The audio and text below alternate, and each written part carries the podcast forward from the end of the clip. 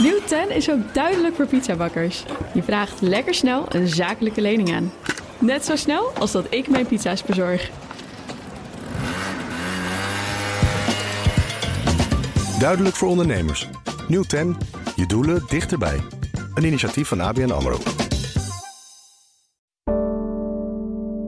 Een goedemorgen van het FD. Ik ben Pauline Swuster en het is maandag 6 maart.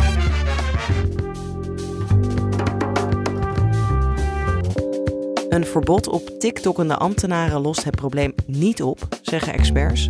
We zeiden eigenlijk allebei dat ze ja, in een verbod niet echt een langetermijnoplossing zagen. Er is een mysterieuze groep hackers die een nieuwe tactiek heeft om bedrijven klem te zetten. Het is iets nieuws, maar eigenlijk ook iets heel erg ouds. En we maken de balans op van het cijferseizoen. Dit is de dagkoers van het FD.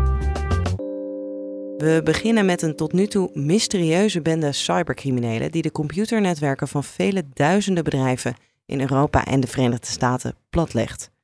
Tech-redacteur Jan-Fred van Wijnen stelt ze aan je voor. Ze hebben zich uh, eind december gepresenteerd op een forum. En ze hebben een, een virus ontwikkeld dat op een bepaalde manier uh, servers binnendringt. Een manier die eigenlijk bij, uh, nou, zeker bij grote bedrijven die goed beveiligd zijn, niet meer, uh, geen effect meer heeft. Die gebruiken ook andere type servers. Ze zijn dan ook eigenlijk alleen gevaarlijk voor servers die niet, waarvan de software niet is geüpdate. Ze vragen ook heel weinig geld als, je, als ze de boel bij jou op slot zetten. En er, is al, er zijn geen specifieke gevallen bekend, want niemand vertelt dat, dat die is getroffen. Maar er is al wel uh, uh, gezien dat er bitcoins zijn overgemaakt naar de wallets die daarvoor beschikbaar zijn gesteld. En er zit nog iets eigenaardigs in deze groep, iets wat het ook weer heel ouderwets maakt. Ze stelen de data niet. Dat is bij moderne uh, ransomware aanvallen eigenlijk het sterkste pressiemiddel hè, dat een hacker heeft om je tot betalen te dwingen. Dat is dat, je, dat jouw gevoelige bedrijfsinformatie op het internet wordt gezet. Uh, die moeite nemen ze helemaal niet. Dus ze kiezen echt voor de simpelste vorm, de laagste drempels. En ze kijken wat, uh, nou ja, wie de boel niet in orde heeft en dan toch maar reageert. Een voordeel voor die clubs is dat zo'n aanval heel weinig geld kost. Voor hunzelf. Weinig geld, weinig moeite. Terwijl de, ja, de modus operandi van uh, de grote internationale hackers, die is, ja, die is steeds geavanceerder geworden. Steeds meer rolverdeling tussen alle partijen die bij zo'n hack betrokken zijn. Dat zijn grote organisaties, die betalen ook heel veel geld aan al hun, uh, zeg maar, hun onderaannemers. Die investeren voortdurend in nieuwe technologie en nieuwe apparatuur. Dat hoeven zij allemaal niet te doen. En hebben we een idee wie erachter zitten? Er zijn twee duidelijke aanwijzingen dat het waarschijnlijk Russen zijn. In de eerste plaats hebben ze op uh, een forum dat heel veel door Russische hackers wordt gebruikt, hebben ze oproep geplaatst om mee te doen. En in de tweede plaats, in het virus, in de code van het virus, zitten, zitten wat begrenzingen ingeprogrammeerd. Uh, en, die, en die begrenzing is dat bepaalde landen niet aangevallen mogen worden. Dat zijn, dat is in de eerste plaats Rusland, dat zijn wat voormalige Sovjetrepublieken. En dat zijn landen die uh, ook hebben laten zien dat ze um, geneigd zijn de kant van Rusland te kiezen bij internationale conflicten zoals Oekraïne. Um, nou, Iran zit er natuurlijk bij. Noord-Korea. Um, wie zagen we daar meer staan? Vietnam. ik meen zelfs dat India erbij stond. Uh, dus uh, het heeft wel iets van uh, hackers tegen het Westen. Ja, maar het klinkt dan weer niet als, je hoort ook veel van de Russen, dat ze juist dan heel specifiek proberen ons te raken waar we kwetsbaar zijn, echt ja. iets plat te leggen. Dat is, is dit dan weer niet? Nee, dat is weer, ja, ik zal niet zeggen dit pleit ervoor dat het geen Russen zijn, maar dit maakt het toch wel weer anders dan het soort aanvallen waar onze veiligheidsdiensten voor waarschuwen. En die, die waarschuwen voor aanvallen op infrastructuur. Aanvallen ook waarbij dingen vernield worden, waarbij computers helemaal in de war worden gestuurd en waarbij data uh, echt totaal onbruikbaar is. Dat is dit niet. Dit is gewoon heel simpel, kijken wat je kan pakken uh, en dan snel naar de volgende. Ja, het is eigenlijk zo simpel dat je denkt, waarom is het ooit zo ingewikkeld geworden, dat hacken? Ja, maar het zou kunnen dat uh, voor veel hackgroepen die, die enorme operaties gewoon te kostbaar worden en dat de verdediging van grote bedrijven te goed is geworden. En dat ze dan weer uitwijken naar de simpele, ouderwetse, goedkope aanvallen. Weinig geld vragen. En uh, ja, dan toch maar mikken op de hoeveelheid in plaats van de kwaliteit. En dan gaan we naar TikTok. Verschillende overheden en instellingen hebben recent ambtenaren verboden om de app te gebruiken op hun werkapparatuur. Zo ook in Brussel. Redacteur Lisa van der Velde vertelt waarom. Ja, TikTok heeft een Chinees moederbedrijf. ByteDance heet dat. En aangezien de Chinese overheid best wel veel grip heeft op de bedrijven die in China zijn, is de angst dat de gebruikersgegevens die TikTok verzamelt van Europese gebruikers, dat die uiteindelijk bij de Chinese overheid terechtkomen. Uh, en daar kan dan gevoelige informatie tussen zitten. Ja, en wie in Brussel mogen nu straks die app niet meer gebruiken? Uh, dat zijn dan de, de ambtenaren die daar werken. Dus dat gaat dan om de personeelsleden, ook om de leden van de commissie. Maar niet de Europarlementariërs, want dat zijn geen personeelsleden. Dus die eh, kunnen ze dat niet verbieden. Die hebben zelf de vrijheid om dat te kiezen. Maar het wordt wel sterk aangeraden om het niet te doen. Ja, en hoe zit dat in Nederland? Uh, ja, daar is de coalitie, uh, de coalitiepartijen, die zijn eigenlijk ook wel zo voor zo'n verbod. Uh, dat zal dan ook gelden voor overheidsfunctionarissen. Um, en de staatssecretaris die gaat kijken of dat wel of niet ook in Nederland gaat gebeuren.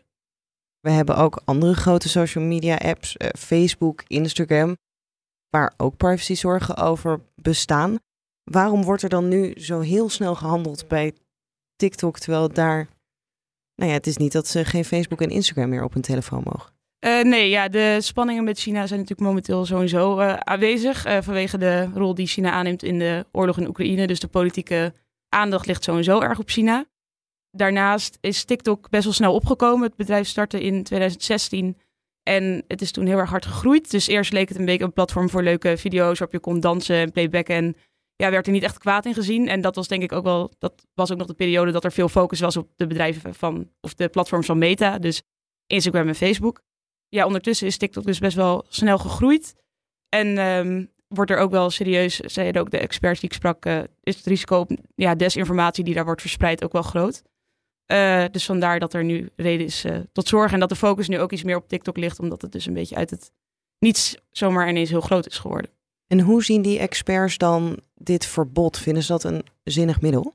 Ze zeiden eigenlijk allebei dat ze ja, in een verbod niet echt een langetermijn oplossing zagen. De een zei eigenlijk, het is sowieso... Um, zij vond het opvallend dat de focus zo op TikTok lag. En zij vindt eigenlijk dat er breder gekeken moet worden naar het inperken van die grote techbedrijven. Want Facebook en Instagram die hebben ook al vaker een tik op de vingers gehad, omdat ze ja, zich niet aan de Europese regels hielden. En die andere deskundige die zei inderdaad dat het, ja, het is een oplossing voor de korte termijn, maar ja, ook wetgeving moet uiteindelijk beter maken. Zijn ze daar al mee bezig met wetgeving daarvoor? Er is vorig jaar een nieuwe wet aangenomen en die moet dan de macht van techbedrijven inperken. Digital Service Act. En die moet eigenlijk uh, ja, kaders gaan laten zien aan die grote platforms met hoe zij uh, zich moeten gedragen binnen de EU.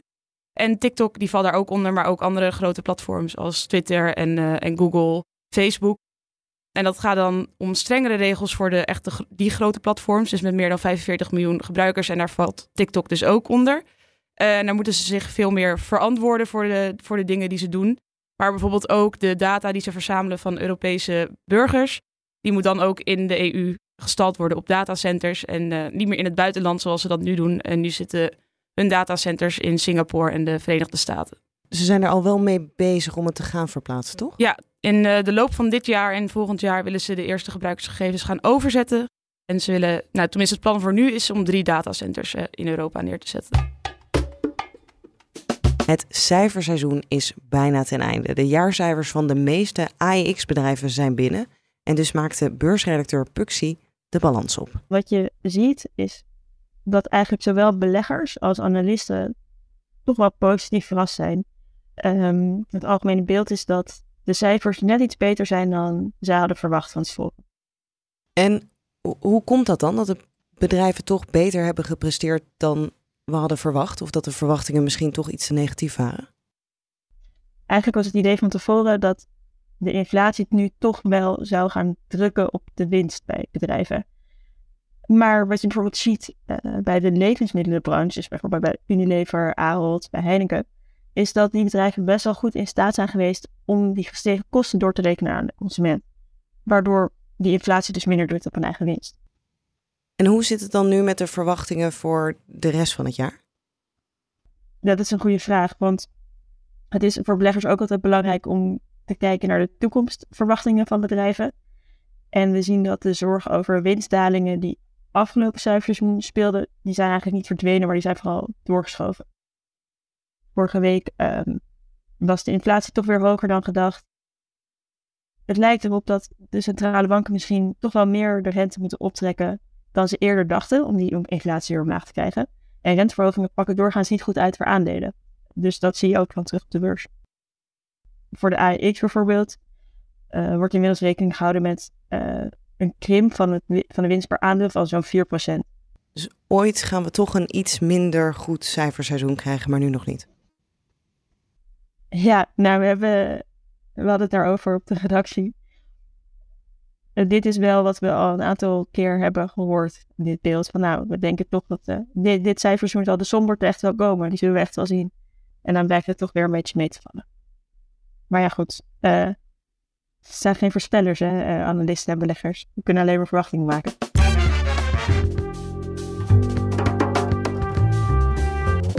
Dit was de dagkoers van het FD. Morgenochtend zijn we weer bij je terug. Vergeet je ondertussen niet op dagkoers te abonneren, dan krijg je de nieuwste aflevering automatisch binnen. Nog een hele fijne dag en graag tot morgen. Nieuw 10 is ook duidelijk voor pizzabakkers. Je vraagt lekker snel een zakelijke lening aan. Net zo snel als dat ik mijn pizza's bezorg. Duidelijk voor ondernemers. Nieuw 10, je doelen dichterbij. Een initiatief van ABN AMRO.